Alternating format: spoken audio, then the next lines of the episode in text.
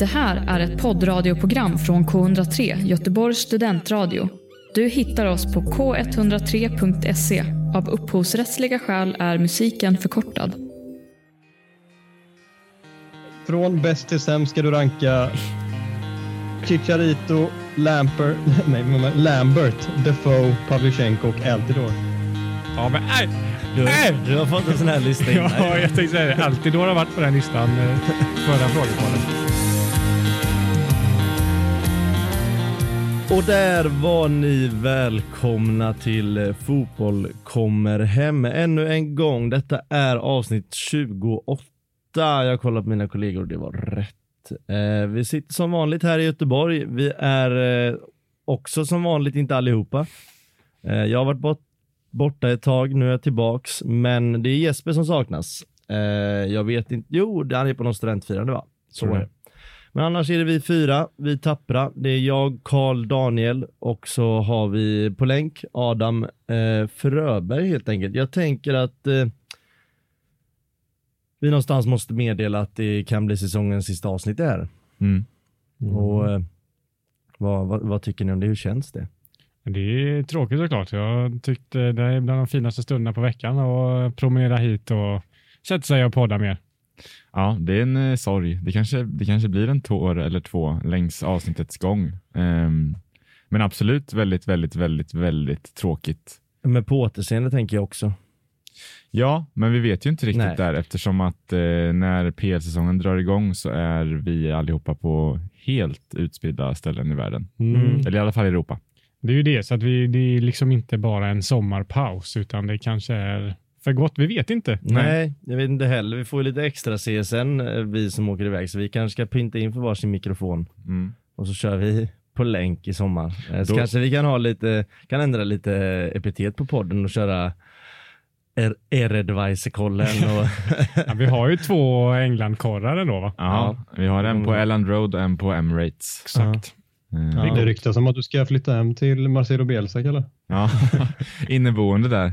Ja. Ska ta, sköta, ta hand om hans hundar och, Ja. sådär. Fiskgratäng varje dag.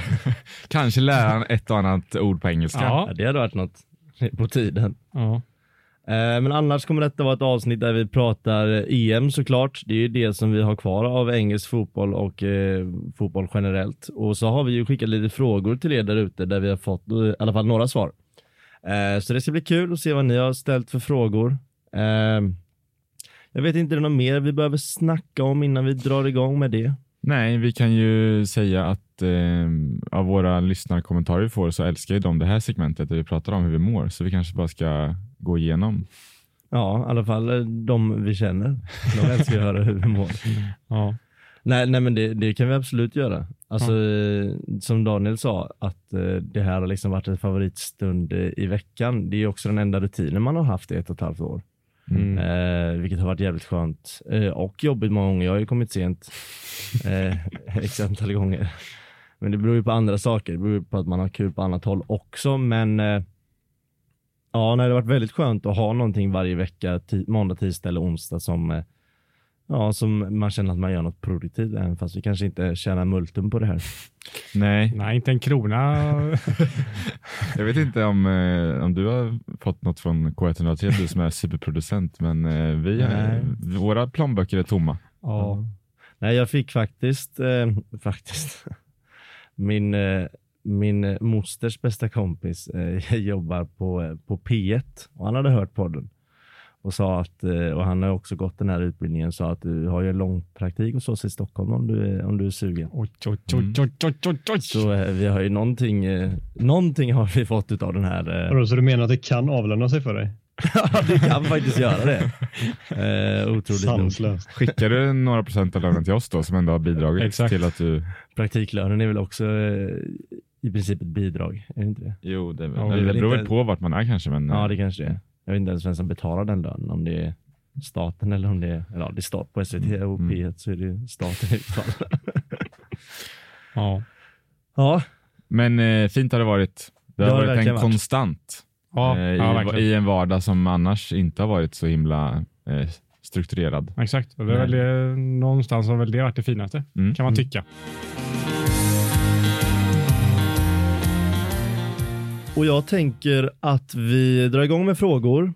Men istället för att prata EM och engelsk fotboll som kanske fortsatt avsnitt kommer till 99% handla om så fortsätter vi. Det är några ynka frågor som handlar lite mer om oss och kanske vad som har skett här i studion och lite tjafs men också kanske skratt. Eh, jag ger Karl, du står ju för frågorna idag, eller du Ja. har dem framför dig så jag tänker att du, du ställer den rakt ut till oss tre och så pekar du på den som ska börja.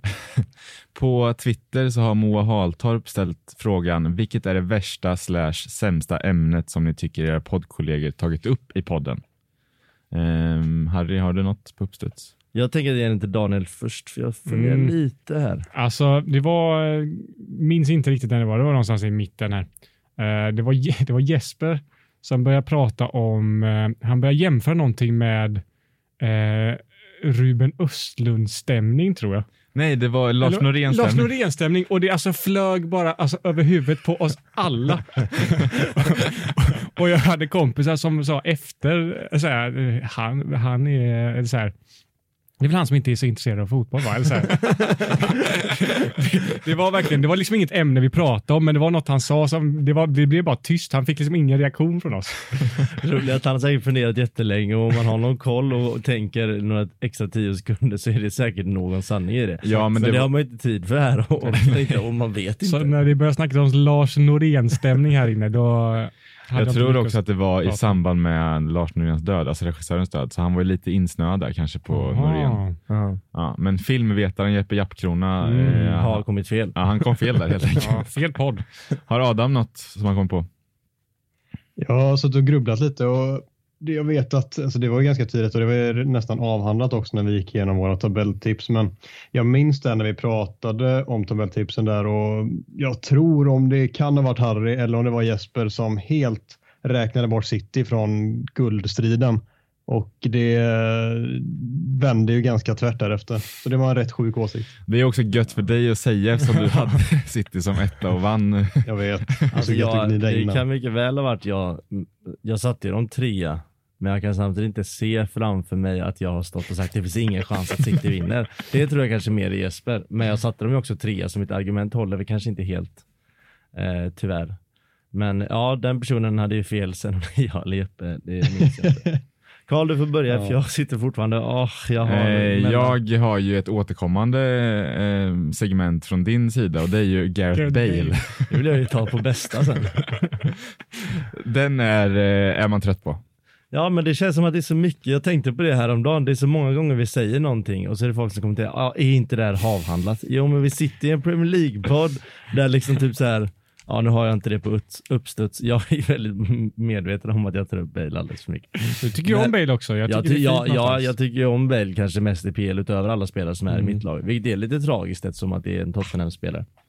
Men eh, ja, alltså jag förstår den, mer än så behöver jag väl egentligen inte säga. Jag tycker det är fint. Men, Ja. ja. Nej, jag har inte, alltså jag försöker fundera kring mina bråk med Jesper och eh, många så, men de är ofta relevanta. Jesper har inte alltid helt fel, det är bara att jag kan tycka att han formulerar sig jävligt klumpigt. Det är en, typ au, det är en Auba-diskussion som väl varit Ja, den hetaste. och, och, Lite Arteta också. och den blev, rann ju också ut i sanden, Lacazette gick ju sönder, så det var så här, Mm. fick inte se vem det var som borde spela där. Sen har inte Aubameyang gjort det superbra heller. Eh, men eh, ja, nej, jag tror det får räcka med de tre svaren. Jag, kommit på, jag får säga sen i så fall. Mm. Eh, Eller så har du bara haft fina stunder och Ja, eh, nej det har jag inte. Jag har, haft många. det har varit många dumma ämnen. Det är många jag har kollat ner i backen. Men, men Harry, i början av när vi poddade var det inte väldigt mycket snack från din sida om Eddie Nketiah också som höll på och slog rekord i u landslaget och grejer. Alltså egentligen, jag vet inte, ni får säga till mig om jag har fel, men mitt snack kring honom var att det är helt sinnes att han gör så mycket mål för jag tycker han är så dålig. Jag tror det var det. Eh, Jo, jag känner igen det nu för jag har fått för mig nu när du säger det att du snarare sa att det var helt sjukt för att han är för dålig också. Ja, men det Bara är så sjukt att han gör liksom tre mål varje samling för att han är så, han är så dålig på fotboll. Mm. Men jag tycker inte om Joe Willock heller och han har ju också gjort massa mål, så jag vet inte. Kanske är dålig på det här. Vi tar nästa fråga. Ja, eh, lite mer på det positiva då. Då är det eh, Vilma Granström som har fråg eller som har skrivit på Instagram, berätta om er roligaste stund tillsammans i poddstudion. Ja, men jag, jag tog in förra, så jag inleder här då. ja, kör. Ja. Eh, Jag har ju hur många som helst tänkte jag säga. Men det, det är väldigt kul när jag och Daniel, jag tror det är en till som sitter i studion, kan, om det är Jesper eller Karl. Och vi frågar hur alla mår. Eh, och Daniel svarar någonting i stil med, nej men det är som vanligt, det är eh, spelmissbruk, eh, eh så här, olycklig kärlek och något mer. Och, kanske spel, och det roliga med det är, eh, du, du börjar liksom, jag mår skit och det roliga med det var att så här, jag satt här och mådde ganska piss. Spelmissbruk var kanske inte riktigt där, men det var många saker som var där så jag började ju garva så mycket. Och du bara, du då? Jag bara, nej men det du sa, det, var, det är så jag mår. Och det var jävligt roligt faktiskt. Det blev lite, ja, jag vet inte. Det Vi- blev, det var, jag skrattade Vi verkligen. kan klippa in det sen. Ja det kan vi göra. Leta i arkivet Harry. Ja. Nej men det kan jag faktiskt göra. Jag kan klippa in eh, Daniels mående som egentligen träffade precis pinpoint rätt på mig. Daniel, har du haft en lite bättre vecka och helg och så? Ja, nej, men man, man mår väl som vanligt. Man är deprimerad, spelberoende, olyckligt kär. nej, jag skämtar. Jag har haft en eh, bra helg. Fan, Kalmar löste kval och eh, Tottenham eh, vann, som vi också kommer gå in på lite senare. Mm. Eh, men det var, det, var, det var en rolig stund. Ja. Vem av er tar vid? Eh, Daniel får gärna ta vid. Ja, ja, men då har jag, det är du Harry. Det är, inte, alltså det är inte så roligt, men jag tyckte det var så fruktansvärt roligt då. Det är när du inte vet vad vi heter på eh, Twitter. När, när, när du inte kan säga rätt. Ja, I typ tre avsnitt. Ja, exakt. Ja, men det är ett avsnitt speciellt där du bara inte kan säga rätt. Du säger fel och så säger vi nej. Och så tror jag Karl säger vad vi heter. och så, så här, ger ett nytt försök och säger han fel igen. Det är tråkigt det här kan inte lyssnarna ta del av för det är så bortklippt så det Ja, finns inte. ja. Men eh, det är väldigt, väldigt roligt. Ja. Ja, nej, då skämdes jag lite. Men jag tror det var också till en början när vi satt och spelade in här. Jag tror du sa ju det också efter första gången du fick sitta i den här stolen.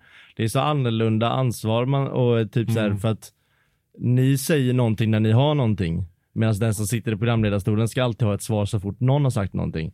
Så det blir ofta att man typ så här är uppe i sitt egna och bara funderar på ah, vad ska jag prata om efter han har pratat. Och, eh, och så, så mycket, körde huvudet så jag, jag var borta när jag skulle Du måste ju dra det. tänka på vad våra lärare säger. Tystnad är också viktigt. Var inte rädd för tystnaden. Det är sant, det är sant. Men eh, jag har två, eller framförallt två moment som kanske inte har varit det roligaste, men som jag minns är mycket skratt. Och, och den, den första brukar eh, vår vän Linnea referera till när vi pratade om eh, eh, Caballero-bytet i eh, ligacupfinalen. Bästa bytet som aldrig har gjorts. Ja. Eh, och sen... Eh, det, var, det, var, det är en mening klock, som- det är en klockren mening. Ja, exakt. Det är en mening som är helt otrolig. Ja, ja, den kan jag slå mig i bröstet för. Ja, att jag, det kan du verkligen. Är Nästan så jag slår den. kläckte. Ja. Mm. Men, den, den eh, sades i min podd. Medan du säger jag sa den. Alla kan skryta om den. Men eh, sen är det ju när, eh, när Jesper eh, undrar om Ryan Mason haft ett tungt liv. Han Shit, säger väl det rakt ut. Ja, men han hade haft det ganska jobbigt va? Daniel Men han ser ut som att han haft Exakt. ganska jobbigt. Just det, så är det. Och Daniel svarar, ja, var ju nära på att dö för några månader sedan. Just Eller det. år kanske. Adamovic. Ja, jag grubblar också, men jag kommer inte på något. Jag har bara haft tråkigt här. Ja, det är helt förståeligt. Nej. Nej, men ni har också haft jättebra grej, så vi kan gå vidare. Den här eh, skulle jag vilja bolla lite med Adam först för att Martin Svensson har skrivit har du sett det? När Maguire gjorde en halv Nelson på Shaw i eget straffområde. Ja. Det är, Jag såg den den är inte jag med på alls. Men det var... det, ja. det, jag tror att han pratar, för vi pratade ju i senaste avsnittet om uh, sjukaste försvarsspelet eller sämsta försvarsspelet eller sådär. Årets försvarsspel. Eh, Ja, och det är ju samma match detta. Det är ju precis samma match när vi torskade med 6-1 mot Tottenham. Så det hade jag helt glömt av, men han är helt rätt på det. Vi, ett av målen vi släpper in så eh, ska ju Maguire försvara mot någon boll i boxen Just och så rycker han tag i Luke Shaw istället och fäller ner honom på backen för att han typ tror att han håller en Tottenham-spelare. Eh, och så blir det mål efteråt såklart. Och Så det är väl Luke Shaw som är dåligt. liksom närmsta gubbe ganska säker ska rensa den här bollen och dras bara ner av Ja, en exakt. medspelare. Exakt så. Och Maguire bara rycker ner honom och så blir det mål sen istället. Så det var, ja, det var också ett uselt försvarsspel som eh, vi ska minnas. Den kanske borde ha varit med på listan då, förra veckan. Det Mm. borde den ha varit, definitivt. Men var det någon fråga eller var det mer ett påstående där? Nej, det är mer eh, eh, Martin. Svensson på Twitter som tycker att eh, vi borde ha haft med Eller varför Ah. var inte den med på årets försvarsspel? Lite så. Ja. Nej men den, eh, det tar... Han, han har ju formulerat sig så här på avdelningen årets försvarsspel borde väl ändå Maguire få en honorable mention när han sätter en halv Nelson på Luke Shaw i eget straffområde så att det är lika tomt som Avenyn dagen efter midsommar. Ja, det är fantastiskt. Ja. Otrolig fråga. Ja, ja den, den glider ju rätt upp på första platsen. Ja. Men eh, kan vi gå igenom snabbt vad en halv-Nelson är? Vet någon? Det är ett brottargrepp. Jag, jag tror också att det Ja, är det. vi, vi kollar innan studion. Det är ett Mm. brottargrepp. Mm. Det Och det- finns både mm, tre kvarts Nelson och kvarts Nelson och Okej. hel Nelson. Är det över sin egna, ta ett huvud över sin egna axel typ? Det är den där Ja, just hur greppet utförs, det vet jag inte. Okej. Eh, Ja, vi går vidare. Vi går vidare. Eh, då har vi en, ytterligare en United-fråga. Vad skulle krävas av Ole specifikt resultatmässigt för att Adam ska sluta tveka på honom som manager för United? Det låter som en fråga till dig Adam. Ja, Ja, det är klart det. Jag sitter bara och funderar. Alltså, Harry. Jag skulle vara lite jag, sa ju, jag sa inför den här säsongen som var att han behöver ta en titel och en komfortabel topp 4-placering för att det ska vara en godkänd säsong och eh, det lyckades han inte med. Eh, så så sätt är det ju underkänt, men eh, ja, långsiktigt, han, alltså så här, för att jag ska sluta tveka på honom helt så ska han ju överbevisa mig totalt. Då är det genom att se till att ta en stor titel eh, och inte heller flaxa till sig utan vi ser att spelet verkligen funkar också. Han, han säger ju rent specifikt resultatmässigt frågar ju Staffan ställer frågan, men jag vill ju även se på fotbollsplanen att spelet ser betydligt bättre ut, att det finns en tanke bakom det vi gör och inte bara ställa ut de bästa spelarna och hoppas att de löser det tillsammans. Nej, jag tänker väl att vad, man, vad ni ska få av Ole för att godkänna honom, det är väl att ni ska känna att vi är bäst i ligan på fotboll någonstans, eller? Ja, ja vi, har, alltså vi är Manchester United. Vi ska, alltså tittar vi på oss själva och eh, så som vi håller oss själva så ska vi vara bäst i ligan och egentligen bäst i världen. Liksom också. Det är ju det som alla de allra största klubbarna har som huvudmål och vill se sig själva stå någonstans när eh, man ska ha, när man ser, ser man slutet på tunneln. Och jag har så svårt att se att Oles tunnel ska leda dit. Ja, det har tagit en jävla tid i alla fall. Ja, man borde ha sett mer alltså, två och ett halvt år eller vad det nu är. Lite mer kanske till och med. Mm. Vad känner, vad och känner men- ni? Nej, men jag känner väl att om vi, ha, om vi nu har en podd om PL nästa säsong så kommer vi snacka om exakt det här. Mm, Eh, alltså det, det har varit en av följetongarna eh, den här, eh, eh, det här, den här säsongen i och med att United ändå har varit eh, så pass bra så han ändå kanske borde bli erkänd, men han blir liksom inte erkänd. I alla Nej. fall inte hos alla läger i United. Nej, men jag tycker just, just den grejen som ni säger och som du säger Adam, att ni är Manchester United, ni, det är inte så här, det är inte as okej att, att bara komma tvåa och man ska vara jävligt nöjd med det bara för att man har Ole som liksom inte är ett stort namn på tränarposten, utan det är faktiskt Manchester United som ska vara bäst i världen och då, då är det liksom svårt att ja, det känns som att eftersom det har varit så lång tid nu efter Ferguson som ni, det har gått dåligt så har ni nästan liksom accepterat att det är så här nu. Eh, Ja, och det är det absolut farligaste man kan göra. Alltså sänka kraven, sänka ribban för vad som är godkänt och vad som är en bra säsong för Manchester United. Det är så många som tycker att detta har varit en lyckad säsong. Mm. Vi har inte vunnit en titel. En säsong utan en titel i Manchester United är inte godkänd, punkt. Liksom. Mm. Så att det, det är väl, det är väl, det är ju, det är ju verkligen det och det är nog många som, som glömmer bort det. Eh, så att det är klart det inte är fullt godkänt ändå. Ja, vi går vidare kanske. Ja. Ehm. Eh, fråga från eh, Andreas Johansson på Instagram. Eh, ett mål krävs för avancemang. Väljer ni då en eh, Giroud eller Prime Chicarito att plocka fram från bänken? Alltid Chicharito, alltid. Alltså det är en, eh, det är en fråga, jag vet ju vem den här personen är, han håller på Arsenal, han vet hur högt jag håller Giroud. Så han vet ju vad mitt svar kommer vara. Men eh, ja, jag vet inte, Giroud är mycket bättre spelare än Chicarito, men Chicarito är ju som sagt, han har ju avgjort i, han är ju proffs på att avgöra, se, avgöra sent och, och i, ändå i stora matcher, så jag, ja, jag kommer säga Giroud. Det- Alltså, Så är det för mig, men jag, jag håller ju honom något otroligt högt. Han vinner ju Frank Frankes VM helt själv åt honom. Liksom. Nu ska jag ge det tråkiga svaret. Det beror på matchbild. det Sluta. ja, men ska du lyfta långt sista, då kan du inte lyfta det på, på Chicharito och liksom be honom eh, sätta fast bollen där nere så man får etablerade anfall. Eh, men jag, jag är faktiskt en förespråkare för att ska man slänga in någon och jaga mål, då är det de eh, större, tyngre gubbarna.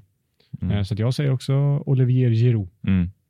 Ja, med det resonemanget så skulle jag också välja Giro, men eh, jag, jag har aldrig hållit Giro så högt som, eh, som Harry Magder gör och har gjort hela sitt liv. Typ alla Arsenal-supportrar gör av någon konstig Ja. anledning. Men, eh, och sen, men det finns ju också ett hat mot Chicharito från min sida. Absolut. Honom Mm. har jag ju aldrig gillat. Han, det känns som att han alltid har typ stått på mållinjen och nickat in bollar mot Liverpool. Liksom. Ja. Mm. Eh, Han är ju en dålig fotbollsspelare, men han är bara jävligt bra på one-touch i boxen och på något sätt lyckas lukta till sig de målchanserna. ja, och hade, hade jag haft han i mitt lag så hade jag ju älskat honom med hela mitt hjärta. Så jag tror att jag ändå hade eh, plockat in honom. Mm. Det var lite konstigt formulerad fråga också, för frågan är om det är prime Giroud eller om det bara är dagens Giroud. Dagens Chicharito är väl... eh, Ja men det var ju prime Chicarito Jaha. Mm. mot Giroud. Ja, Prime Chicharito mot dagens Giro. Fortfarande Giro. Nu har eh, Jesper Ahl, Krona, eh, ställt en fråga här Ja, Instagram. Han vill ju-. Han vill vara med på ett hörn. Det ska han få. Om Ja. det är vårt sista avsnitt, det är klart han ska vara med på ett hörn. Vem är bäst i podden och varför är det Jesper? Ja, det ja, för att han pratar om Lars Norén istället för fotboll. Vi kan ju säga vad som helst för Jesper kommer inte höra vad vi säger. Nej, precis. Han lyssnar Nej. inte ens på podden. Det Nej. kanske kan, Det är för att han inte vet vem Vinicius är, om det är Real Vinicius om det är en annan. Det är också en av de roliga grejerna. Ja, Och att han inte vet vad din hund heter. Ja, just det. Men frågan kanske borde vara ställd, eh, vem är sämst i podden och varför är Jesper? Ja, det, Ja. Det, då är den ju Snyggt. både korrekt eh, Det är ställd lite- och redan Det är lite besvarad. roligt, när vi eh, firade valborg så, ha- så var några av eh, Jespers kompisar från Trollhättan med. Eh, och då så pratade jag med dem och pratade om att vi hade en podd. Och de liksom fattade inte, vad, har ni en podd? Då är liksom inte Jesper... Han var grym på Jesper ja exakt, har han inte ens berättat för sina närmsta vänner Alltså, att han han har har varit en här i podd. 30 veckor. varje dag, varje onsdag. Bor han i Göteborg? Så att, eh, och han lyssnar inte på avsnittet så att eh, redan där Nej. så är han väl eh, lågvattenmärke. Jo men det är han. Men eh, han tillför någonting som inte någon annan tillför kanske. Mm. Men det är ju alldeles för sällan. Ja, alltså ingen får ju tro att vi inte älskar honom. Han är ju otroligt älskvärd. Nej men exakt. Gud ja. Det är bara att vi är väldigt duktiga på att klanka på de som inte är här. Men Mm. det ska de väl ha också, det har jag fått stå ut. Mm. Även jag. Så det var Adam som, som har duckat den bollen genom att Mr 100. vara på länk varje, varje gång. Jopp. Adam, du hade en PL-fråga för att de börjar ta slut här. Ja, men eh, jag kan ta en Premier League-fråga också och eh, det är en eminent lyssnare som eh, ställt en fråga. Jag tänker att en av er nu på uppsut bara säga innan frågan att den tänker svara på den, för det kommer bli rörigt om alla ska svara på den. Så en av er ropar hej. Var det tävling eller vadå? Vem vill svara Ja, på en den? av er tar Daniel? den. Okej. Daniel svarar på den. Nej, men. Ja, Daniel tar den. Yes. Från bäst till sämst ska du ranka Chicharito, Lampert, nej, Lambert, Defoe, Pavlyuchenko och Altidore. Ja, men nej. Du, Äh! du har fått en sån här lista innan. Ja, jag tänkte säga det. Alltid har varit på den listan eh, förra frågepodden. Är det samma person? Det är samma person. Ja, Jag älskar. Altidore. Fan vad han älskar Altidore. Men det måste man ju komma ihåg. Men Defoe är ju numero uno. Det vet ju alla. Och sen så måste jag ju säga Roman Pavlyuchenko. För att... Eh, Sen har, sen, ja, sen har du kvar Altidore, Lambert och Chicharito efter det. Mm, eh, Lambert för att han är sån som slog igenom sent, tycker man om. Och sen blir det Chicharito och sist Altidore. Du höjde du inte alltid då innan du drog igång med listan? Nej, men det var bara att jag att Altidore var med i listan förra gången också. Alltså i ett PL-perspektiv så är ju Altidore alltid sist, men han är ju, för han gjorde väl typ tre mål i Sunderland eller Han något var, sånt inte, där. han var inte kanon. Nej. Men det skulle sägas, Roman Pavlyuchenko var ju inte bra i Tottenham, men det är bara för att det är en Tottenham-gubbe. Ja. Ja. Men jag menar bara Jo, att Altidore också- har ju, har ju något utanför PL. Mm. Alltså han stänkte väl in mål i, eh, i holländska ligan Ja, ja. och Ja. eh, är väl ändå någon slags eh, kultspelare i USA typ. Absolut. och sen är ju Defoe given tycker jag också. Ja, han håller ju på fortfarande. Men vadå, Defoe? Vilken Ja. målskytt. Vann, vinner ju skotska ligan med Rangers under Gerard. Ja, han var, spelade inte Som jättemycket. spelare. men- Inte han 50? Nej, Han var Han med är- och bidrog. han var med och bidrog, men inte så himla mycket Nej. som man kan tänka sig. Med och bidrog. Defoe är väl ändå på en, alltså, en topp 15 PL forwards genom tiderna.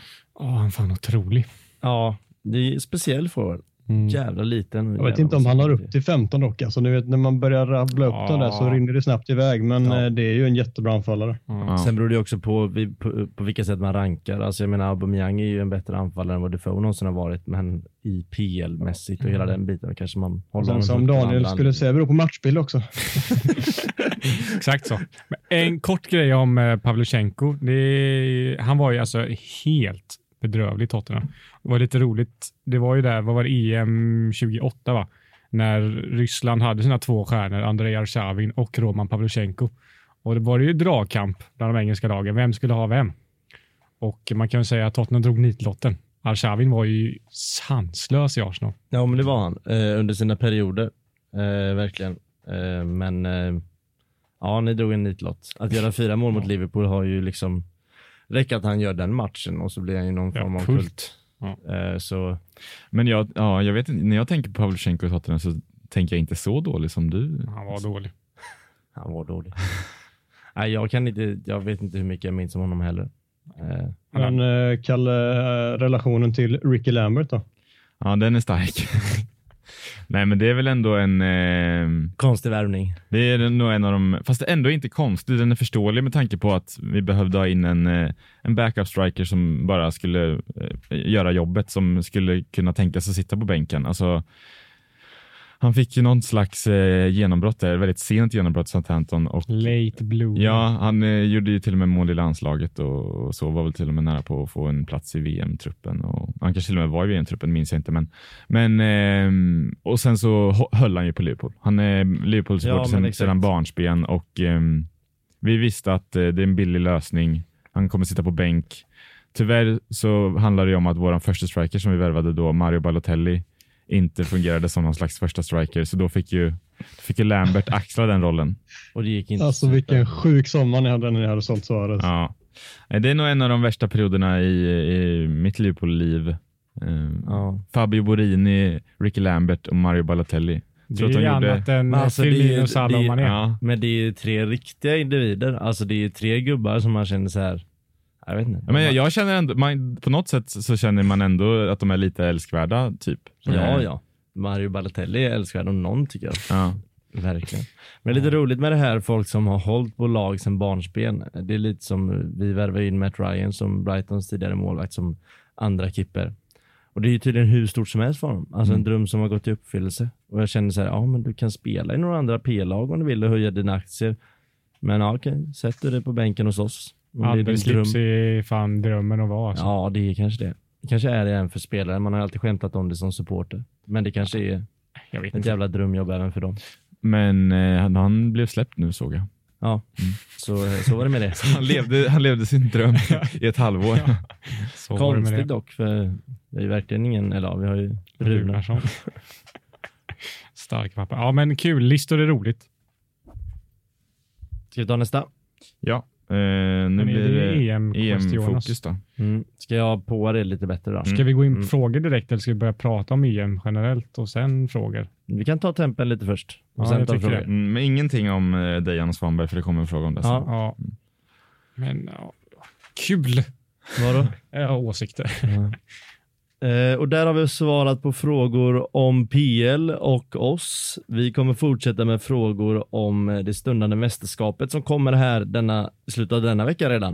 Eh, men jag tänker att vi ska ta lite temp i studion också bara och se hur vi känner kring EM och vad vi tror om olika lags chanser hit och dit. Men eh, ja, hur mår ni inför ett stundande mästerskap? Jag, jag tänker att jag vet att vi har lite coronafrågor i vår i våran frågestund så vi behöver inte gå in för mycket på det. Men är det, känner ni EM-feber som man tidigare gjort eller har saker och ting förändrats?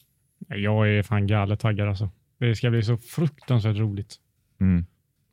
Ja, jag är inte där än. Jag, jag lyssnade på eh, Bank och Frändéns eh, podd eh, där de intervjuade Albin Ekdal och då sa Bank att han är något slags, någon, någon lite ångestdrabbad situation där man bara vill gå in i bubblan, där man bara går och väntar. Eh, nu är det någon slags eh, en tomhet eh, inför vad som, man har inte hunnit kunna tagga igång riktigt än, utan man bara väntar på att det ska börja så man kan fullt ut gå in i bubblan. Mm. För han är det väl också en annorlunda situation som man ska jobba med det. Men, Mm. men jag känner inte tagget riktigt än. Adam? Jag hoppar nog in och ut ur det tagget. Ena stunden sitter jag och pillar med mitt EM fantasy-lag och diverse resultattips och sen i andra stunden så sitter jag och bara längtar till att klubblagsfotbollen ska dra igång igen. Så jag fram och tillbaka, men det är väl lite som Kalle säger, när det väl drar igång så hittar man väl in där ordentligt mer permanent. Jo, men det gör man ju. Va- Vart ska du spela fantasy? Är det på svenska tidningar eller är det på den där internationella EM? sidan? Nej, det är den officiella EM-appen. Det Har- blir inga sådana där? Aftonbladet-grejer. Har du liga där? Jajamensan, det är bara att joina. Ja, då ska jag göra det. För jag har annars har jag ingen anledning att spela den fantasyn. Man vill ju vara med på alla håll. Så- Det, det här är ju rätt, det är jävla sidospår, men de har ju det här, alltså du måste vara med varje dag för att eh, kunna gå bra här, för du kan ju byta in spelare från bänken mitt under omgång och byta kapten mitt under omgång till någon Tänker- som inte har spelat. Nej, då tänker jag det- Aldrig vara med. Ja, då, då kanske jag ändrar mig. Jag måste ju hinna dricka en bärs. Måste ju hinna dricka en bärs mellan Ja, besluten. herregud. Och så kommer allsvenska fantasy börja mitt... Nej, det här, nej, nej, nej. nej. Aldrig. Jag behöver Ja. paus. Det sålde jag in, härligt. Ja. Ja, nej det gjorde du inte. Men det, på tal om allsvenskan, där känner man ju ett tagg. Eh, Superettan ja. Älskar allsvenskan. ja, allsvenskan och superettan är det finaste vi har. ja. Och lite publik Ja, nu också efter Mm. sommaruppehållet. Ja, det, det var ju publik på Gais igår. Sen hjälpte ju inte det spelarna att göra en acceptabel insats, men det var jävligt roligt. Det var lite, lite PL, eh, så här, första omgångarna i PL-varning dock. Det var ju 500, 500 personer, alla på exakt samma del av läktaren, stod och Nice. skrek. Nice. inte utspridda alls. Men det är sjukt vad eh, 500 personer gör ändå. Alltså, Ja. när, det, när allt var som vanligt och det var 500 personer på läktaren så tyckte man att det inte lät så mycket. Men nu är det som att det är 20 000 på läktaren. Så Mm, verkligen. Men hur många får det vara nu när det sätts igång igen?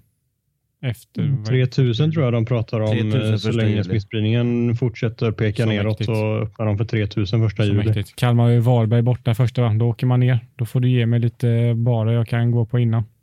Ja, absolut. Ja. Vi kan gå på en bar tillsammans innan. Ja, det kan vi också. Men du får ju köpa biljett tidigt, för 3000 kommer gå åt så. Nej, det är så många håller inte på Varberg. Jo, alltså det jag lovar dig. De har ju Varberg har inte fått spela en enda match i Allsvenskan för publiken. Men det, men det finns inte 3000 säsongskortsinnehavare, det gör det, Det gör det Så inte, att, det gör det eh, inte. Jag hänger på låset. Ja. Mm, det ska du göra. Men det kommer ju inte släppa, jag vet inte om de släpper biljetter till bortasupportrar än. Kanske när Nej, men 3000 han behöver ju inte stå i Jag får Nej, ju du får ju sitta bara som via- neutral. ja, Ja. på Men, fina eh, Påskbergsvallen. Ja, dit, eh, dit ska vi Daniel. Ja. Mitt EM-tagg är faktiskt igång, det skulle jag säga. Eh, jag är nervös av den anledningen att jag vet inte om det är, alltså jag vet inte om Sverige går vidare från gruppen. Alltså jag känner, alltså, alltså det är två lag som är sämre än Sverige, men det är liksom EM, det är en match, det är 90 minuter, det räcker med ett mål och sen eh, parkera bussen. Jag vet inte, det känns som att vi har så höga förväntningar i och med att vi gjorde en bra insats förra gången. Och vi till och med liksom tog oss förbi ett av slutspelsstegen. Men eh, jag vet inte om vi ska hoppa så högt, samtidigt som jag tycker laget är bättre på pappret och vi har ju presterat bättre kanske efter det EMet än vad vi gjorde i det. Alltså rent krasst. Eh, men ja, nej, jag, jag, ser fram, jag ser verkligen fram emot, eh, vad blir det, den 14 går Sverige igång va, mot Spanien borta. måndag. Mm, måndag. Får man ta vid där med det du pratar om med högt ställda förväntningar och hur det kanske går för Sverige? Kör. Då är jag är alltså, alltså inte en chans att man går längre än första slutspelsmatchen, vilket är åttondel då ju.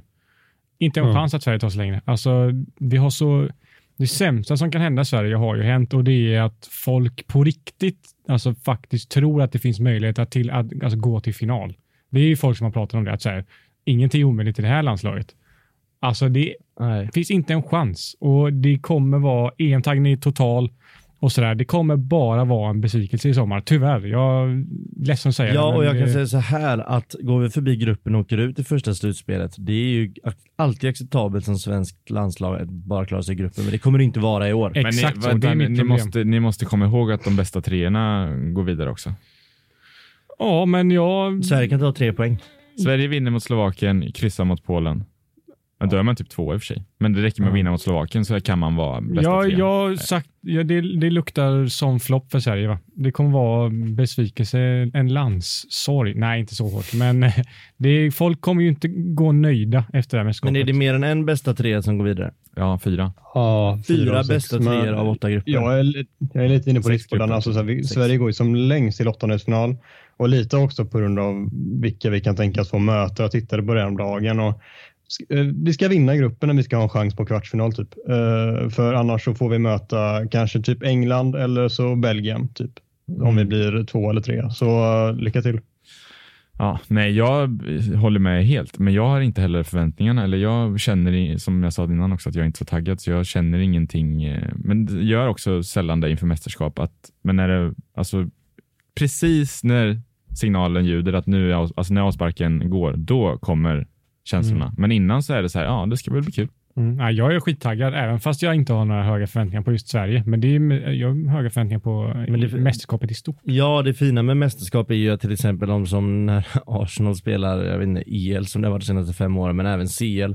Ja, mitt intresse försvinner ju någonstans när Arsenal åker ur. Det gör ju det inte i mästerskap. nej. alltså åker Sverige ut i åttondel så är kvartarna, semifinalerna och finalerna ännu mer intressanta ändå. Alltså så här, det är liksom alla matcher, det är så otroligt roliga i ett mästerskap. Mm. Eh, det är sommar och det är valfri dryck och hela den biten. Så det, Valfritt. Men eh, hur många poäng plockar vi då i, i gruppspelet?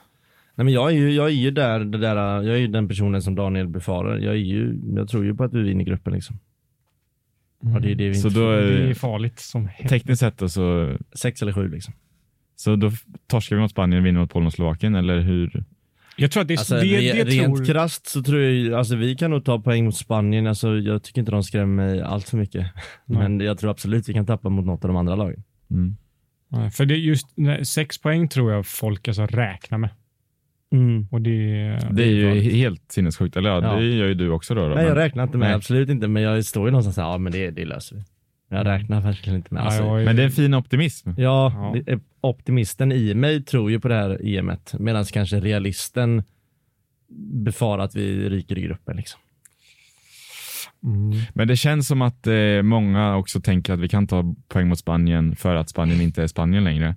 Men det är det som är det farliga. Det känns som att Spanien kan skrälla, om nu Spanien kan skrälla eftersom de ändå är Spanien. Men förstår ni vad jag menar? Att, eh, De sa det ganska bra i Tutte Balutta tyckte jag att här, Spanien är fortfarande Spanien. Det är sanslöst bra lag de har. Det är bara att de inte har profiler längre som folk liksom känner till. Alltså, så här, ingen Sergio Ramos. Det är sjukt. Liksom.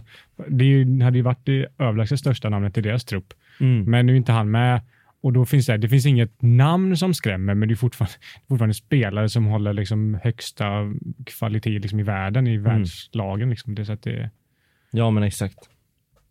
Det är väl folk har snöat in sig på det här med inga realspelare med också. exakt. Och då tänker man, ja men då är det inga bra spelare Nej, med. precis. men ni får spana in eh, Spaniens nummer 10. Han är rätt bra. Ja, spelar han Liverpool eller? Ja. Ja, Thiago kanske. Mm. Moreno. Alberto Moreno är tyvärr inte med. Han har gått och gift sig istället. Ja, ja, det ska han ha.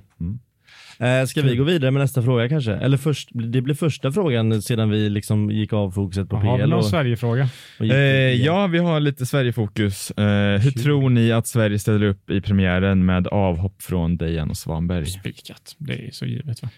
Jag tror Vi- inte att det gör någon skillnad faktiskt. Nej. Jag jag tror inte heller det gör, tyvärr tror jag inte det gör någon skillnad för jag tycker Dejan ska spela ute till höger. Men eh, jag bollar den till dig Adam. Kan du säga svenska startelvan så, vi, så säger vi andra nej eller ja? Mm, det känns väl ändå ganska spikat som Danne säger, men Olsen, Lustig, sen blir det ju Danielsson, Lindelöf. Sen är frågan om Augustinsson hinner tillbaka. Jag tror att de kommer chansa där, kanske lite naivt, men jag tror att Augustinsson startar. Han är ju tillbaka i träning sedan tre, fyra dagar nu. Och eh, sen blir det Seb Larsson på högerkanten. Det blir in i mittfältet med Ekdal och Koffe Olsson. Till vänster Forsberg och sen så blir det ju Isak och Berg på topp. Ja, Mm. det blir det det. Jag ser verkligen inget annat hända. Nej. Eh, och det, det enda man såg, det är, såklart, det är såklart Augustinsson. Och sen så var det en fråga kanske om Dejan eller Seb. Eh, Men mot Spanien var vi alla ganska förväntade att det skulle vara Seb. Ja, ja, verkligen. Och nu finns Det var även lite snack om. Claesson får vi väl tillägga till också. Ja, Ja. han gjorde Man stärkte ser upp under inte- isen. Ja, man ser inte Det gjorde han inte, men det har varit snack om det. Ja, och det är ju en favorit hos Janne. Men ehm, Dejan-diskussionen är ju lite, den är ju lite komplex för att man vill ju ändå att det är vår, en av våra största stjärnor och han spelar i Juventus. Då känns det ju självklart att han ska starta, men, men man måste också se man måste också se det ur Jannes perspektiv. Att man, man vill ju ha Berg och Seb, speciellt mot ett Spanien där man vet att det kommer mycket försvarsspel. Mm. Och då är det, tycker jag det är orimligt folk som börjar skrika att eh, Janne är dum i huvudet för att han inte startar Dejan. Liksom. Ja. Nu kommer, det är, på ett sätt är det skönt att han har corona för då försvinner ju den debatten från Mm, Jannes huvud. Jätteskönt för Janne. Ja. Eller ja, nu har han andra debatter. i Jobbigt att att inte det, kunna slänga in honom dock om vi jagar mål. Precis, det är en otroligt Ja. bra supersub eh, att ha på bänken. Mm. Men, men jag tycker ändå Dejan, för jag tycker att han jobbar så pass hårt bakåt också. Men eh, nu är det som det är och jag förstår, jag är inte den som skriker på Janne, men jag tycker annorlunda i, i det fallet. Mm. Ja, men sen, Mm, jag tycker också Dejan ska starta om, om vi ska bara säga så. Exakt, men nästa gruppspelsmatch som ju är mot Slovakien, va? Andra. Eh, då ska ju Kulusevski starta, givet, tycker jag. Sen så nu får vi ju se då. Jag vinner vi 5-0 mot Spanien så det är inte så mycket man kan ändra på. Nej, nej. Men eh, ja. Nej, men eh, nästa fråga är också Sverige då och eh, då har eh, Douglas Karlsson skrivit vad tycker ni om coronasituationen i landslaget? Coronasituationen inom cit- citationstecken också. Men det är väl också inte bara i Sverige va? Han tror inte på... Exakt. Jag vet inte om, om ni är 5G med på det, men Adam, var det inte någon mer som kom ut Jo. i morse som hade corona va? I Spanien menar du eller? Mm. Ja. Mm. Ja, så. Diego Llorente, elitspelaren, eh, bekräftades ju out, men han eh, hade ju inte varit nära en startelva ändå. Nej, men han har ju varit på en samling. Det är ju inte Svanberg ju- heller. Nej, det är det Nej, rädd precis. Det kan ju påverka oavsett, eh, helt rätt. Eh, Ja. Men just om man tittar på enskilda spelaren så gör det inte mycket. Men det kan ju ha varit i kontakt med andra och så insjuknar någon mer innan matchen, det vet vi inte. Men det är rätt oförståeligt tycker jag att de tränar efter Dejans besked. Alltså jag menar Portugal till exempel, de mötte ju Spanien i senaste träningsmatchen. De isolerades direkt för att de hade liksom kramats med några av de spanska spelarna. Ja. Eh, Mm. varför gör, visst det här speglar väl någon, någonstans Ja, Tegnell men- och Folkhälsomyndighetens strategi att vi ändå bara lever vidare. Men varför inte bara ta tre dagar eller två dagar på hotellrummen och slippa. D- eh, Svanberg kanske hade blivit sjuk ändå, ja, men ta, ta tre stycken, ägna till teori och, och typ så här, ja men jag vet inte, på gymmet kan Mm. man göra distans, ställa ut massa cyklar på fotbollsplanen och kolla på en film. Jag är inte helt hundra på hur hela den här processen och liksom förflyttningen från Stockholm till Göteborg har gått till. Men så som jag förstått det, jag kanske inte har rätt, det är att man hade samling i Stockholm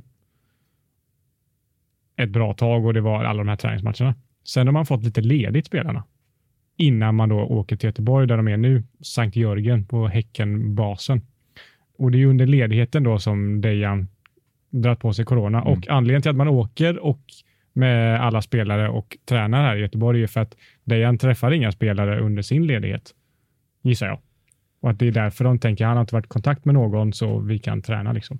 Sen så är det ju jävligt olyckligt att Svanberg åker på det och då är det jävligt oroligt för han har Mm. ändå suttit med i bussen ner, eller planet eller vad fan de har åkt från, eh, från Stockholm ner till Göteborg här och eh, tränat eh, liksom fysisk kontakt med spelare. Så det är ju Ja, och att, ja, men att de då gör testerna och ändå går ut Ja. på träningsplanen. De kan ju göra testerna och vänta. Alltså, jag menar att Svanberg ska bli hämtad på Mm. träningsplanen för att han har fått corona. Mm. Hur kan man inte bara vänta och göra tester och kolla att alla är fine? Och är inte alla fine, ja men då gör vi så, då ställer vi in träningen och sen så har vi ett möte därefter. Nu, och nu har ju det blivit liksom, i och med också att media var på plats på träningen, alla såg när Svanberg lämnade och all, allting har ju blivit så mycket större än om de bara hade på något sätt inte mörkat ner det, men bara tagit det lite lugnt. Mm. Ja, men jag hörde också någon person som fick en intervju i någon i ledarstaben eller någon form av kanske med-team i landslaget som ska ha sagt att jo, men de utan, eller har du inte symptom så är det ju lugnt att du tränar. Sen kan det blomma ut senare. Det låter inte alls bra. Nej, det, det, nej, nej. Alltså, här, de som kan ha blivit smittade av Svanberg är ju inte smittade nu. Nej, de blir smittade om några dagar. Och det Så är inte bra. Det är Det kan liksom bli en VO i, i tre matcher i rad. Mm, Men det står 2-2 i coronafall mellan eh, Sverige och Spanien i alla fall. Ja, det är skönt.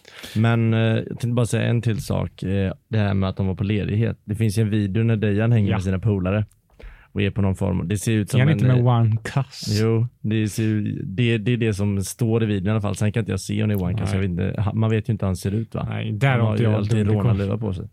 Ja. Men eh, de är väl i alla fall en, lite mer än åtta. Inte asmånga, Men de kanske är ett, ja, det ser ut som att de är i ett rum och är på någon form av ja, middag eller typ så här, ja, förfest. Jag vet inte, det ser inte ut att vara kaos. Det ser ändå ut folk Ja. är lugna och så, men han är ju med ganska många personer som man kanske inte träffar vardagligen annars.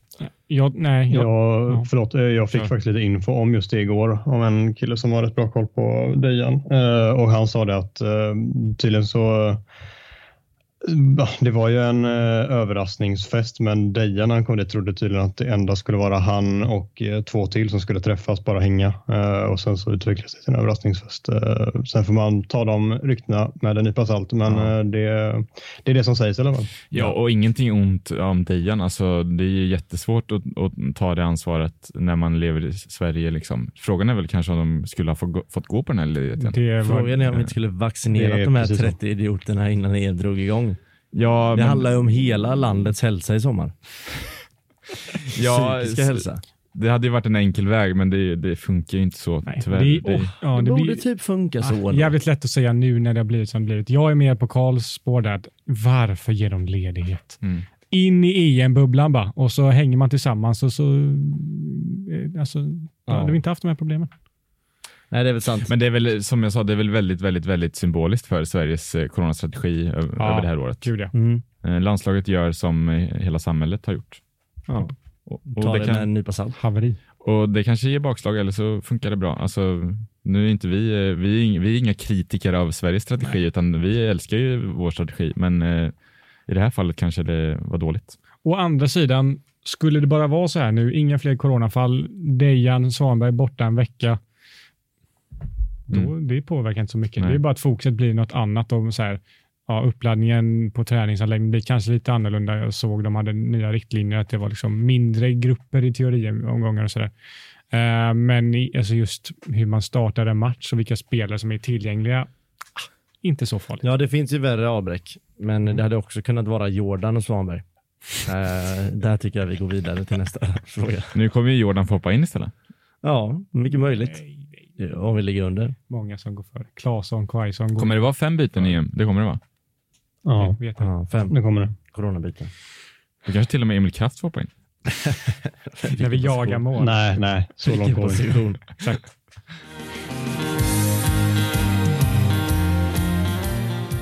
Ja, nästa fråga är EM, men inte Sverige.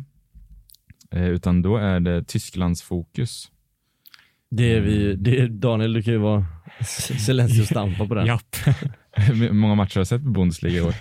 Inte jättemånga.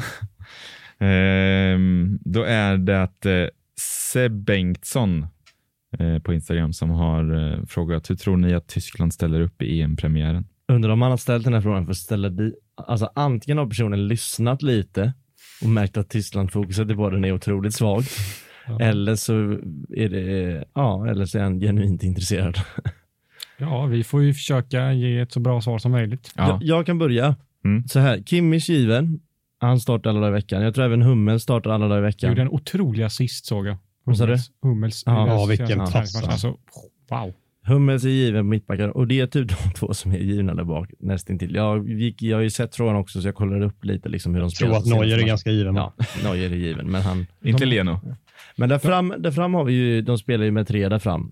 Där har vi fyra stycken som, som duellerar mot varandra. Det är ju Havertz, Gnabry, Müller och Sané. Inte Werner. Nej, inte de senaste fem matcherna i alla fall. Vadå, ska Müller spela nia då? Ja, han har spelat nia de senaste, de Mm. senaste tre och innan det har de inte Ja. haft en nia. Då har de spelat med Havertz som Mhm. Droppad nia. För de lirar ju 3-4-3 kan vi tillägga. Så Mm. de, blir ju, de kommer in ganska mycket i banan, de yttrarna om man säger så, de tre där fram. Så de, alla tre är ganska centrerat. Kroos är hyfsat given också, Kroos är given. såklart. Ja. Jag tror, jag tror Rudiger startar. Mm. Mm. Ja, men ja, det, ja. Den ständiga diskussionen, eller som alltid har varit, är ju vänsterback. ja, är det, det- det jag tänkte säga. Mm. Det är det jag vet. Jag har inga vänsterbackar. Lever Hector eller? Nej, jag, Hals, har Nej. Atalantas Robin Gåsen så har ju lirat där mycket det senaste nu. Han är ju framförallt wingback i Atalanta också, vilket gör det perfekt att lira honom i landslaget. Har du inte någon Hallstenberg också? i Ja, det vet jag inte. Ska vi kolla upp. Men ehm, eh, sen är det då, är det Kimmich på innermittfältet eller som wingback? På innermitt var han. Senast har det varit wingback senaste matcherna. Det, jag läste i morse var det rykten om att han faktiskt kommer spela wingback under EM för att de vill ha plats med Gindogan också. Ja, Mm. det var det jag tänkte säga också. Gündogan och Kroos har ju ett innermittfält så det, har- det har du nog rätt i. Men jag tänkte att vi, skulle, vi kan fokusera på de fyra, för det är fyra roliga spelare. Müller, Müller Sané, Havertz och, och eh, Gnabry. Vilka tre ställer ni upp där? Eh, en kanske är given i, i och med att det är tre yttrar och en anfallare. Typ. Ja, Müller är väl given då i sådana fall. Det är Ja. väl Müller eller Werner, men eftersom Müller har spelat där så Ja, det känns som med de yttrarna som de har som är bara är speed och eh, ja, men speed och mm, teknik. Finess typ. Ja, Ja. så vill man ha en Müller där fram. Mer än vad man vill ha en Werner där fram. Eh, ja, men eh, jag tror att jag skulle gå på Gnabry och Sané. Och du? Och samma, samma, samma. samma.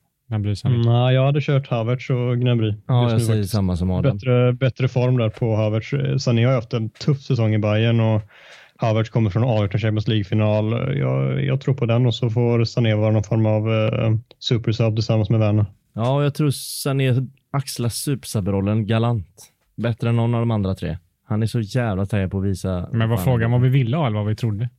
Vad vi vill. Mm. Eller vad vi liksom så här, vilket du anser vara bäst. Mm. i- Men eh, vi pratar om att Spanien inte är Spanien längre. Är Tyskland Tyskland då? Det känns som att det, jag satt med ett stort EM-tips eh, häromdagen och visste inte vart jag skulle placera Tyskland. Nej, Går de ju- till kvartsfinal, semifinal? Alltså, Det är ju dödens grupp de har hamnat i. mm. Ja, men om vi bortser från att de är i dödens grupp så tror jag de har en större skrällchans än vad Spanien har. Jag tror att Tyskland är... Oh, men är det, en skräll, är det en skräll då? då? Om Ja, alltså, men alltså jag menar att de Det har ju skulle... typ blivit det nu så som folk snackar om dem, men det ska ju inte vara det när det handlar om. Tyskland. Men jag, jag är inne på Harrys spår där att det är större chans att Tyskland skulle typ gå hela vägen än Spanien. Ja, absolut. Mm. Men de har ju fortfarande profiler tycker man ju. Alltså Müller får ju vara med i landslaget nu och sen Kroos, Hummels, Neuer. Alltså det är en, Ja. en stomme som är... och det känns som att det kanske finns någon slags gemensam vilja av att avsluta den här eran på absolut bästa sätt också. Ja. Att nu, nu, nu tar vi vårt... Ja. Eh, Konstigt att de inte har gjort en sån, eh, ta med Granqvist, ta med Özil.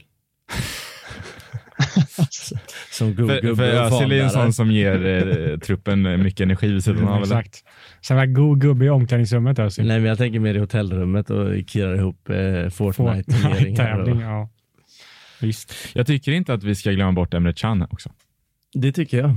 ja, exakt. Han har ja. ändå varit, eh, alltså de mästerskapen han har varit med så har han ändå varit en liten joker och fått mer speltid än vad han borde. Alltså jag följde ju såklart honom mycket när eh, Han har inte var varit en joker hela sitt liv. Jo men typ, alltså det på något sätt så finns det ingenting där, men det kanske finns något där och sen så finns det ingenting där. Jag vet inte, men eh, jag tror att han kommer ändå spela på något sätt så slingrar han sig in i startelvan. Han kan ju spela, han är ju också väldigt, eh, han kan ju spela på många positioner. Han kan ju spela wingback, han kan ju spela i, i trebackslinjen och han kan spela på innermittfältet. Mm. mm. Men jag vill bara stanna med en sista sak om Tyskland innan vi går vidare. Om vi säger att Kimmich skulle spela mittfältare, då har de en eh, trippel, alltså en trio med, nu tar jag min och, mitt och Adams fall, men med Havertz, Müller, Gnabry och bakom har de Kimmich, Kroos och Gündogan. Det är ju ett vidrig sexa de sitter med där. Mm. Så att, Svag, säga, ja. så att säga de inte kunna gå hela vägen, liksom, det är ju lite verklighetsfrånvänt. Men samtidigt är de inte, de är inte Frankrike och kanske inte England. Det tror vi inte. Men vi får se. Nej, och det har inte funkat så bra med Jogi Löw de senaste åren heller. Så Nej. även om så här, Kalle säger att de skulle ju kunna verkligen vilja avsluta snyggt, och det är klart de vill. Eh, Men jag ställer mig ändå fråga, frågande till Jogi Löws förmåga att få ihop laget nu så som det har sett ut sedan om typ de vann VM 14. Mm. Det blir, det blir spännande. Det är som sagt på pappret ett jävligt bra lag. Är det bästa trea där då för dem? Portugal och Frankrike före? Ja, Frankrike vinner. Portugal och Tyskland får nog kämpa. Jag, alltså jag håller inte Portugal så jävla högt. Nej. Alltså där är ju Tyskland och Portugal på samma nivå i, i mina ögon. Mm. Så att de kan lika gärna komma tvåa. Men eh, ja, alltså det, det finaste för det här, eh, vad säger man? Det här slutspelet, det är ju att alla de tre slutar på sex poäng och alla går vidare. Vänta, det Man kan de inte göra.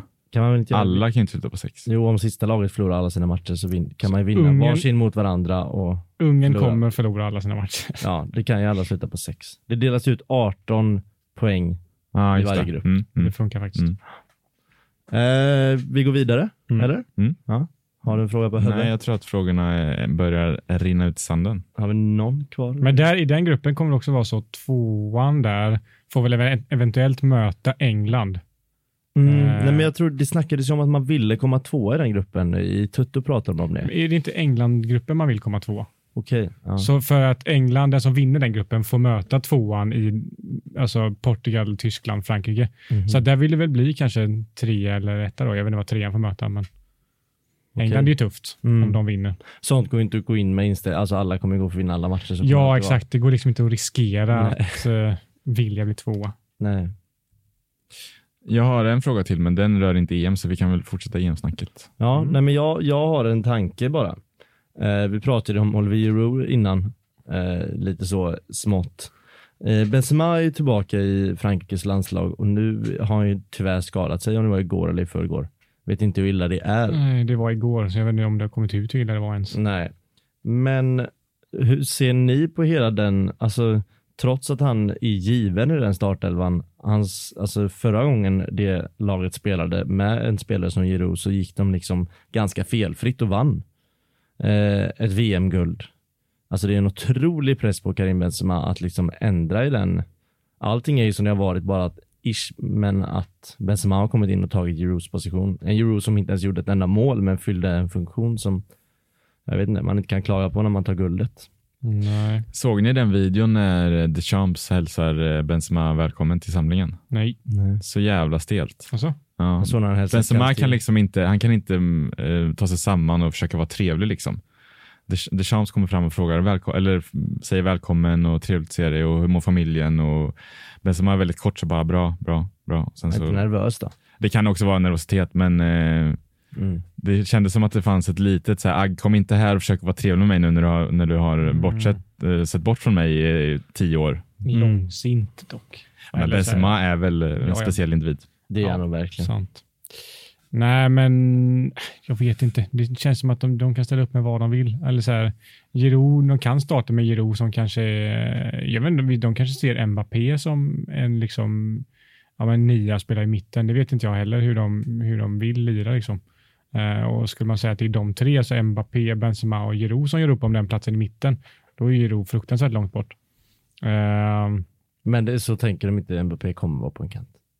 tror vi det? Mm. Mm. Ganska så säkert. Ja, nej, men ja, ja, Benzema kommer ju gå före Giroud och han kan ju också, Benzema kan säkert göra noll mål men Frankrike vinner ändå. Mm. Och sen som vi pratade om innan, att ha en Benzema som spelar 75 och en Euro som spelar 15, det är ganska drummigt. Precis. Mm.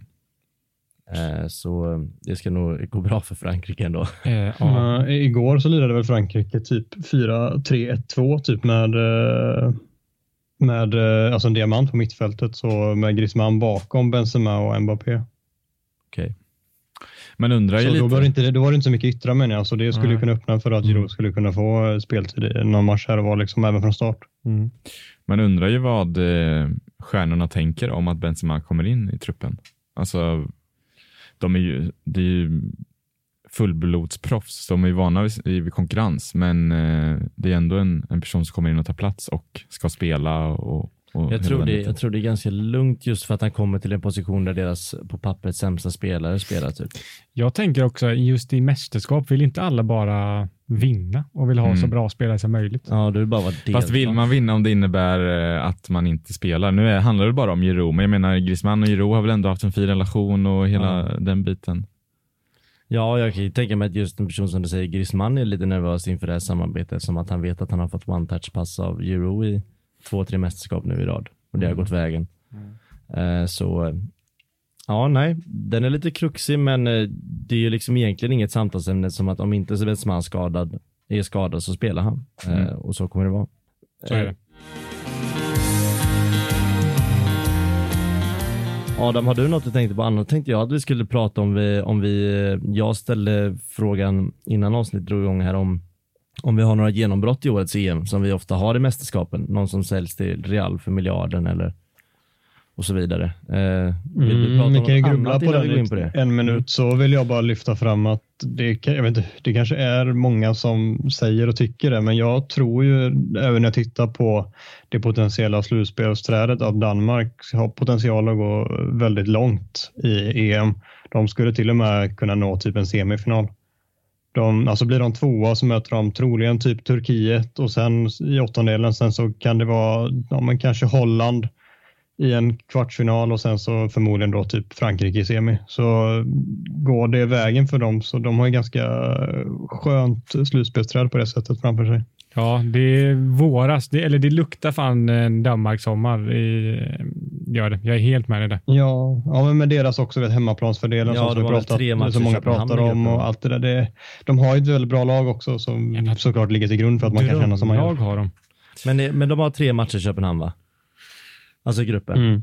Det är Ja. lite sinnessjukt egentligen. Ja. Ja, det är det här jävla EMet som vi inte behöver gå in på kanske. Men, men eh, där säger jag flopp, bara för att alla eh, bygger upp Danmark. Det, Och Spanien vinner. Och jag vill att du har rätt. Jag vill ju verkligen det. Ja. Men jag är rädd för att det inte blir så. Gillar du Danmark? Heja på Eriksen och Höjbjerg. Älskar Ja, är smörrebröd också. Lite nubbe. Men, eh, men du nämnde Holland där, att de kanske får möta Holland och där har vi ett landslag som man inte borde tro på men som jag tror på. Det kanske bara för att jag vill ha tvärt emot, men eh, jag menar Gini Wijnaldum med binden, det kan inte gå fel liksom. PSG-spelaren. Och, Ja, men, sjuk vändning där. ja, men eh, tyvärr så har de väl en för dålig tränare. Eh, De Boer Mm. imponerar ju Mm. inte någonstans liksom. Nej. Nej, de håller okej lag. Ja, det är som sagt, man kanske inte borde trycka på dem, men det känns bara som att eh, istället för att trycka på Danmark som alla gör så trycker jag på Holland istället. Vi har inte nämnt Belgien ens, vill vi göra det? Tröttsamt. Tycker ni det? Fan, du, De ligger ett- pratar om något. Ja, ja de li- rankade bäst. Ja, i... de ligger etta på Fifa-rankingen Ja. fortfarande, eller fortfarande, men de har ju alltid varit där uppe. Hur, hur då? De vinner alla kvalmatcher. Typ. Ja, men de vinner väl så typ så här 5-0. Nations, Nations League-matcher med så här 6-0. Ja. Trea i VM sist. Det är fortfarande väldigt bra lag. ja, det är ju Eh, verkligen det. Inte Ja, jättemånga de som går liksom, minst i semifinal. Ja, exakt. Och det är inte jättemånga av de spelarna som har gått ner sig så mycket. Lukaku har ju exempelvis bara blivit bättre. Hazard har väl kanske gått ner sig. Kevin De Bruyne, bättre. Uh, sen hur mycket han spelar vet jag inte, men så här, nej, vilket jävla kanonlag. Mm. Mm. Ja men verkligen, det är väl som du säger, det är väl Hazard som är ganska tydligt att han har blivit lite sämre. Men, Men- det är ett landslag, då får man nya, då kommer en ny form in. Då spelar Mm. det så mycket annat som står. Brorsan typ. Ja, Brorsan Hazard. Torgan. Exakt. Mm. Ja, han har ju petat honom i träningsmatchen. Exakt. Eller om det blir Carrasco eller vem fan det kan bli. De har är skitbra lag. Gillar Belgien. Mm. Christian Benteke har fått plats i den truppen igen också, det är fint. Sjukt också. Det är ju för att Origi inte har sjukt spelat något. att Batshuayi har en plats där. Ja. Genombrott, har vi något? Ja, eh, jag såg att eh, The Athletic gjorde en grej på Alexander Isak på så här potential stars Just och det. Eh, det känns som att det börjar vibrera lite. Jag läste Noah Bachners text med eh, Isaks eh, barndom, bästa Ja. barndomsvän och eh, lite gamla lärare och sådär och det är ju ett eh, underbarn han är väldigt svår att inte älska. Sen Mm. så är det väl svårt att han, det, problemet är väl att han spelar i Sverige då. Mm. Så att Att det kan, ju, kanske- det kan kan bli bli- två mål i gruppspelet max, liksom, eh, om ens det. Ja, det Eh, kan ju bli tre matcher, det är där problemet ligger. Ja, Ja. eh, men eh, det kanske räcker med två, tre mål och då så eh, har Sociedad x antal miljoner in på, på kontot. Ja, alltså om vi säger så här, gör han fyra mål, vi går till kvart och han, vi, vi går till kvart och han har gjort fyra mål i EM, då kostar han ju en miljard i sommar. Mm. Vilket Ja, är ja. sinnessjukt. För Utan nu, han kostar ju redan en halv miljard. Mm. Ja, ja. Absolut. Det är bara frågan vart han ska hamna, vad som är bäst för hans... Eh, Det blir väl ett steg upp i... Nej, jag, vet inte, jag ska säga inte att han hamnar någonstans, men jag säger om han gör det så är det för en miljard. jag menar, vilka vill lägga ut, vilka vill göra, det är ändå en chansning då, att lägga Mm. en miljard på en spelare som gjorde 17 mål i liga. Mm. Det- Jag tror inte att det kommer krävas en miljard, alltså även om man skulle göra succé. Det kommer eh, så här mer, post-corona, mer. priserna kommer påverkas. Så det är Mm. kanske 600-700 miljoner kanske vi pratar om istället. Ja, men jag tror inte han lämnar. Men det är fortfarande mycket, mycket pengar. Ja, jag tror inte han lämnar som Sociedad i sommar heller. Ganska klok herre, Alexander Isak. Han, eh, han går ju lätt att göra en, han kan ju lätt toppa 17 mål om han är skadefri nästa säsong. Ja, Det men det gör som han. Han spelade ju en hel höst varannan match med William José. Så Precis. han gör ju över 17 mål om han får spela i Sociedad nästa år. Och det är Precis. som du säger, det är nog det smartaste valet att gå. Jag tror nog det. Han är, alltså, han är lika gammal som mig. Liksom. Mm. Det, han har mycket kvar. Men eh, jag- jag- du snack, vi snackar genombrott. Jag kommer inte på någon. Det jag tror är dock, och det är ju inget genombrott, men jag tror att han kan få eh, lite mer erkännande utanför England och det är Jack Grealish. Tror jag. Jag Mm. tänker Phil Foden tänkte jag säga i samma veva. Ja, men det är, det är ju mer, rim- det är ju mer genombrott. Jack Grealish är ju inte så här genombrott, det är Nej. fortfarande Jack Grealish. Men jag, det snackas nästan bara om Jack Grealish i England tycker jag. Mm. Och ja, de England-runkarna här i Sverige. Men alltså på den stora scenen, liksom klubbar och supportrar och fotbollsälskare i Italien, Frankrike, Spanien kommer han nog absolut få upp ögonen för Jack Grealish. Han har väl blivit matchens spelare nu såg jag både senast och näst senast. Så Mm. han har gjort någonting bra och han lär ju starta då. Ja, så att han kan nog få en... Han, han gör jävligt bra EM tror jag. Mm. Mm. Ja, om Phil Foden gör ett, ett eh, jävligt bra EM, blir det genombrott då eftersom han ändå har visat sig på CL-nivå som inte Grealish har gjort?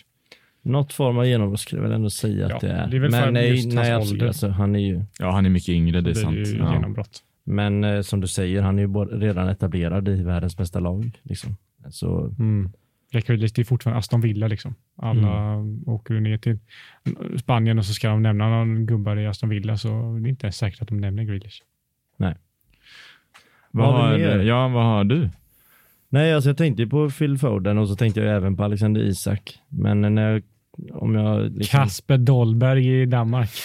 Nej, jag tror inte på Kasper Dahl. Har inte han väntat på ett nej, genombrott men nu? Han Jonas Wind pratar rätt mycket om eh, efter Köpenhamns uh, målspruta till anfallare som många i Danmark tror skulle kunna få ett ordentligt genombrott nu om, om de skulle gå så bra i EM som vi nu tror att de faktiskt skulle kanske kunna göra.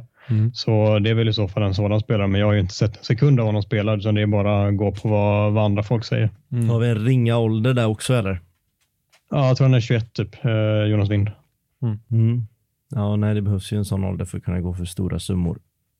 Ja. Men annars vet jag inte. Jag tänkte Portugal, jag tänker Frankrike, svårt, alltså. jag tänker Svårt. Belgien. Det som säger, kanske brorsan Hazard skulle kunna göra ett jättebra EM, men det är inte så mycket till genombrott. Han är Nej. också till åldern. Vad är han? Kanske 25-26? Något sånt. Ja, man vill ju ha liksom Alexander Isak-nivån, att övriga Europa hittar den här spelaren. Liksom. Mm. Precis. Men det, Ja, han eh, Kylian Mbappé verkar ju lovande. Han får sitt genombrott. Han är ju fortfarande typ i den åldern, vilket är så sjukt. Jo, men han, Ja, han har 98. redan avgjort ett, i- ett VM. Va? Har han gjort det? Vi, vi har en ganska lång inspelning. Ska vi runda av eller vad känner Är ni? det slut på frågorna? har vi ingen eh, i Slovakien typ? Weiss, kommer ni ihåg? I de här lite konstigare lagen? Vladimir Weiss. Jag, vi har ju inte pratat om vad vi tror om Englands chanser i EM. Det har vi helt missat. Men, Ja, men Det vi, kanske vi vi pratade om det sist. Men ja, men det är klart, vi kan ju avrunda det med det. för vi hade inga fler frågor. Vi har en, men den är en, enbart till mig och en intern fråga, så jag vet inte om vi ska ta den. Det är från min, eh, från min bror. Du kan få välja. Men vi kör i England först. Okej. Ja.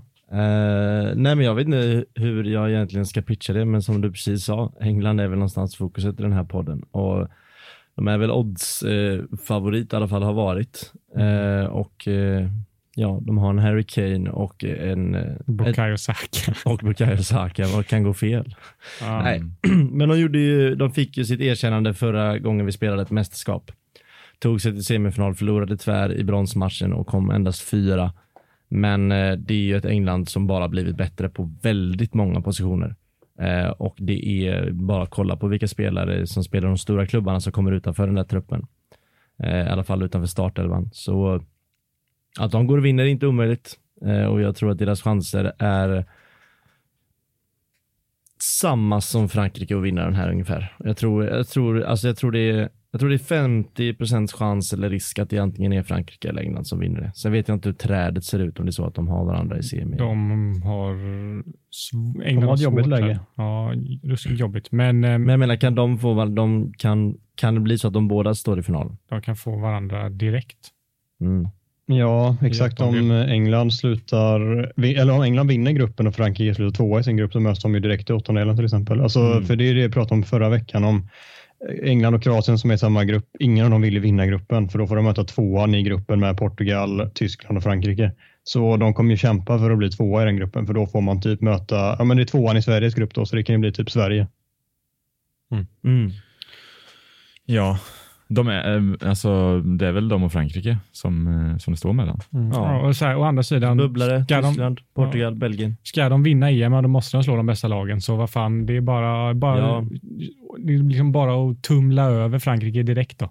Det är ju lite skillnad på till exempel när man snackar träd och Sverige för då vill vi inte vinna, vi, vi vill gå långt. Exakt. Och därför vill man ha Mm. det här trädet som Exakt. Danmark har. Men, Medan eller Frankrike ska, kan skita i sitt jävla träd. De ska vinna varje match exakt. Och då, om förväntningarna är så högst ställda på England så ska de också bara skita i det. De ska Mm. vinna mot allt. De ska vara bäst i Europa, då ska de slå alla också. Ja, och det får man väl ändå, det tycker jag många glömmer bort när man snackar om Englands VM-resa. De var ju verkligen på rätt sida trädet. Mm. Alltså de Ja, slog De ut, hade ju flax. ja, de slog ut Sverige, de slog ut Colombia och sen så var de i en semifinal plötsligt. Mm. Ehm, Väldigt sant. Mm. så att, Va, De hade, vilka var det de hade? De hade väl något sydamerikanskt lag som gjorde sitt första år där Kane gjorde fem mål i gruppen.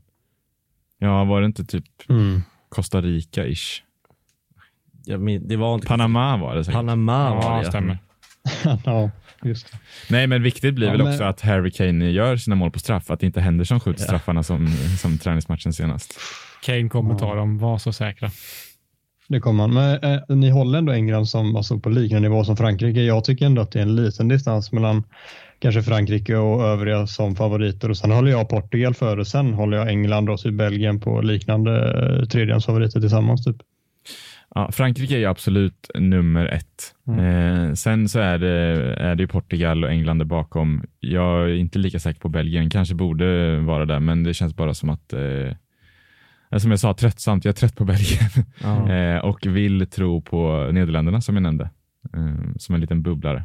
Nej, jag tror att jag, varför jag tror på England har samma stora chanser som Frankrike har, det beror ju på två saker. Delvis att Frankrike är för många av de här väldigt stora favoriterna och de vann senast. Det är nog väldigt svårt att göra om det tror jag.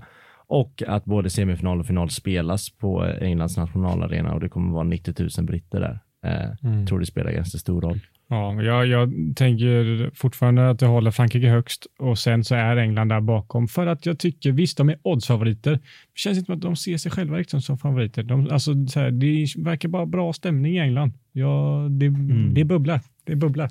Ja. Sen finns det inget hem. land som har, samma, som har samma press från sina fans. Nej, men jag har inte riktigt sett av den pressen. Nu bor inte jag i England och jag läser inte engelska medier i samma utsträckning som de svenska medierna, men det känns som att så här, alla fattar typ att så här, ja, men om Frankrike vinner så det är lugnt. Men de ska ju gå långt. Det, har de, det kravet har de, men det, det, är också, det tänker de ju själva också gissar. Så att jag, fan, jag tror på England. Mm. Ja, vi jobbar ju in England i alla fall i podden. Det gör vi. Vi hoppas ju på England eller Sverige, gärna i en final.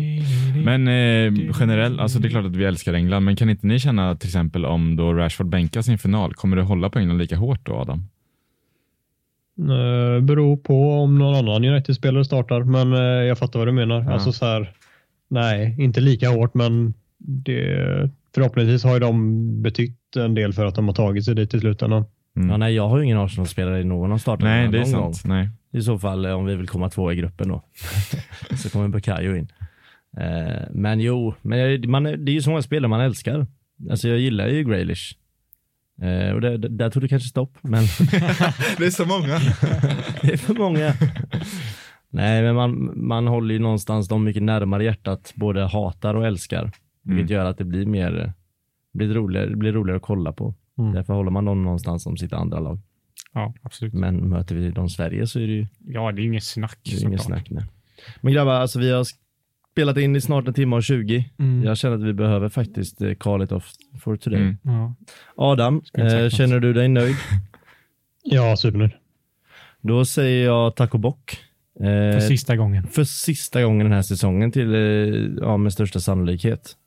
Vi hoppas att vi kan ses igen till höst. Det kommer i så fall vara mer än bara en på länk. Eh, men eh, det hade varit väldigt roligt. Det tycker främst vi och vi hoppas även att ni gör det. Men ja, tack för en sista gång, eh, en 28 gång. Så, så hörs vi på ett eller annat sätt. Mm. Ha det bra alla där ute och hej då.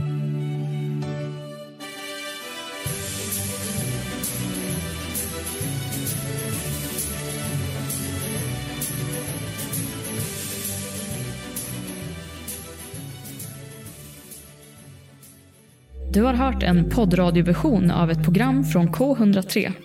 Alla våra program hittar du på k103.se. Följ oss gärna på Facebook eller på Instagram. Vi hörs!